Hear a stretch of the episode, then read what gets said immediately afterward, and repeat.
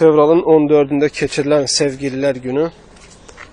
Bunu belə izah edə bilərəm Allah talan köməyi ilə ki, bu 14 fevralda olan hansı ki adlandırılır sevgililər günü, bu qədimi romanlardan meydana gələn e, adətlərdən biridir bu və yaxud da bayramlardan biridir bu.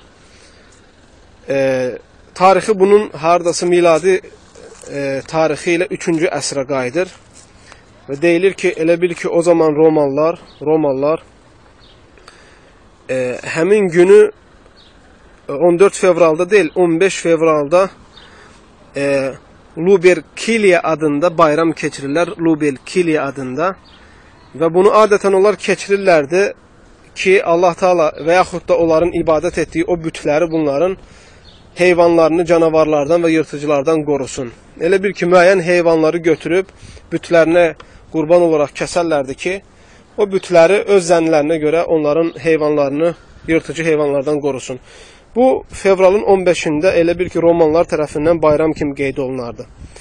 Və hardasa 270-ci ildə miladi tarixlə Romanın e, e, hakimi əmr eləyir ki, heç bir əskər, devlətə xidmət eləyən heç bir əskər evlənməyəcək, evlənməməlidir. Çünki ailələri olması onları elə bir ki, əskər xidmətliyinə mane olur və döyüşdə onların zəif olmasına səbəb olur. Və bu baxımdan bütün orduya evlənməyə qadağan eləyir.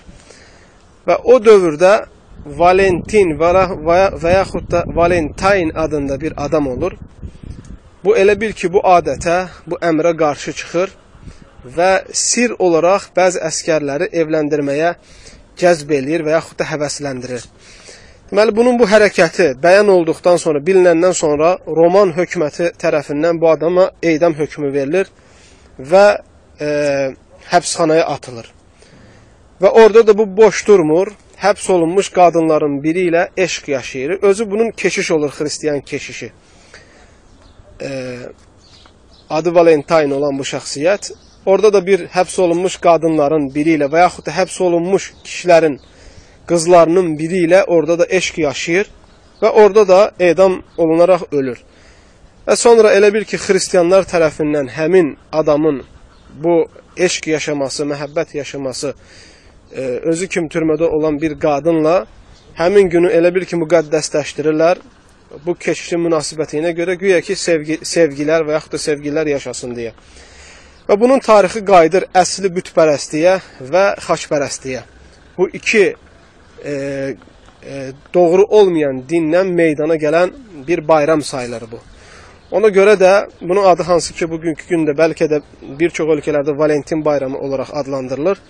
Bu baxımdan da İslam alimi, İslam aləmi, İslam alimləri icma eləyib ki, bu bayramı keçirmək haramdır Bu münasibətlə xərclənən bütün pulların hamısı israf və harama daxildir və ayrıca bu münasibətə yardım edən bütün e, iştiraklarda və yaxud da ən-ənələrdə iştirak etmək hamısı bunların e, şəriətə müxalif olaraq haram qisminə girir.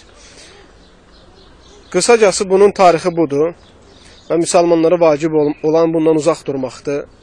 Ənəs ibn Malik radiyallahu anhudan rivayət var ki, Peyğəmbər sallallahu aleyhi və səlləm Mədinəyə gəlir və görür ki, orada ansarların uşaqları oynayırlar.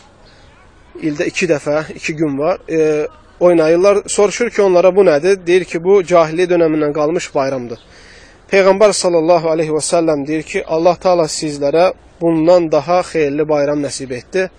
O da Ramazan bayramı ilə Qurban bayramı. Qısacası İslam dinində bayram olaraq qeyd etmək olar sadəcə iki anı. Ramazan bayramı, bir də Qurban bayramı.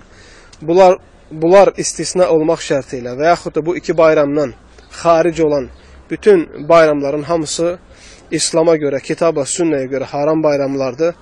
Nə bunları diriltmək və yaxud da bunlarda iştirak etmək və yaxud da bunların, bu ənənələrin olmasına yardım etmək, bunların hamısı haram olmuş məsələlərdəndir və çəkinməyi tövsiyə edirəm. Allahu aləm. İxlasla.com saytı tərəfindən təqdim olundu.